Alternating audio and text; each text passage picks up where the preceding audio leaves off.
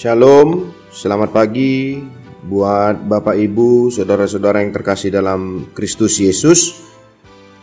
Renungan kita di pagi hari ini sebelum kita memulai aktivitas kita tertulis di dalam kitab Yeremia pasal 31 ayat yang ke-25.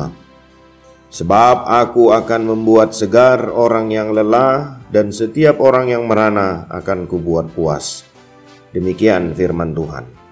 Anda lelah dan merana, inilah obatnya. Hidup dalam dunia yang penuh dengan tantangan dan masalah bisa membuat kita lelah. Persoalan-persoalan hidup yang menerpa kita membuat jiwa kita merana.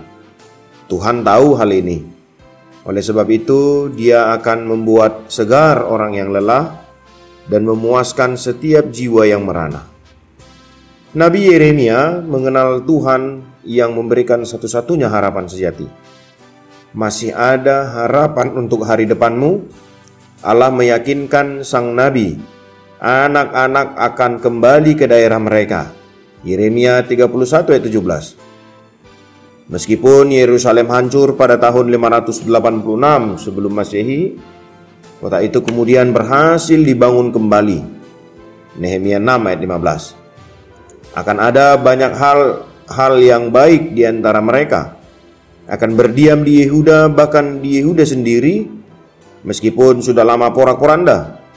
Baik petani maupun gembala, dua pekerjaan Kain dan Habel yang sudah ada sejak dahulu dan yang terhormat. Sungguh nyaman tinggal di tempat kediaman kebenaran dan gunung yang kudus. Para petani dan gembala akan memakan buah-buah dari kerja keras mereka Sebab aku akan membuat segar orang yang lelah dan setiap orang yang merana, yaitu orang-orang yang lelah dari perjalanan mereka dan yang lama berduka dalam pembuangan mereka. Sekarang akan menikmati kelimpahan besar. Ini dapat diterapkan pada berkat-berkat rohani yang disediakan Allah bagi semua orang yang sungguh-sungguh bertobat. Bagi semua orang yang benar dan kudus, mereka akan dipuaskan secara berlimpah dan dengan anugerah-anugerah dan penghiburan-penghiburan ilahi. Dalam kasih dan kebaikan Allah, jiwa yang lelah akan mendapat kelegaan dan jiwa yang berduka akan mendapat sukacita. Pada masa-masa tertentu, kita semua akan mengalami situasi-situasi yang dapat membuat kita putus asa. Mungkin penyebabnya adalah hasil pemeriksaan medis yang buruk, pemutus hubungan kerja secara mendadak, atau keretakan dalam keluarga. Namun, ketika kehidupan berusaha menghempas kita, kita masih bisa memandang kepada Allah karena Dia masih berkuasa di atas tahtanya. Hari-hari kita ada di dalam tangannya dan Dia senantiasa menjaga kita dengan kasihnya. Inilah janji Tuhan yang merupakan jawaban dari setiap pergumulan dan masalah-masalah di dalam dunia ini yang membuat kita lelah dan tak berdaya.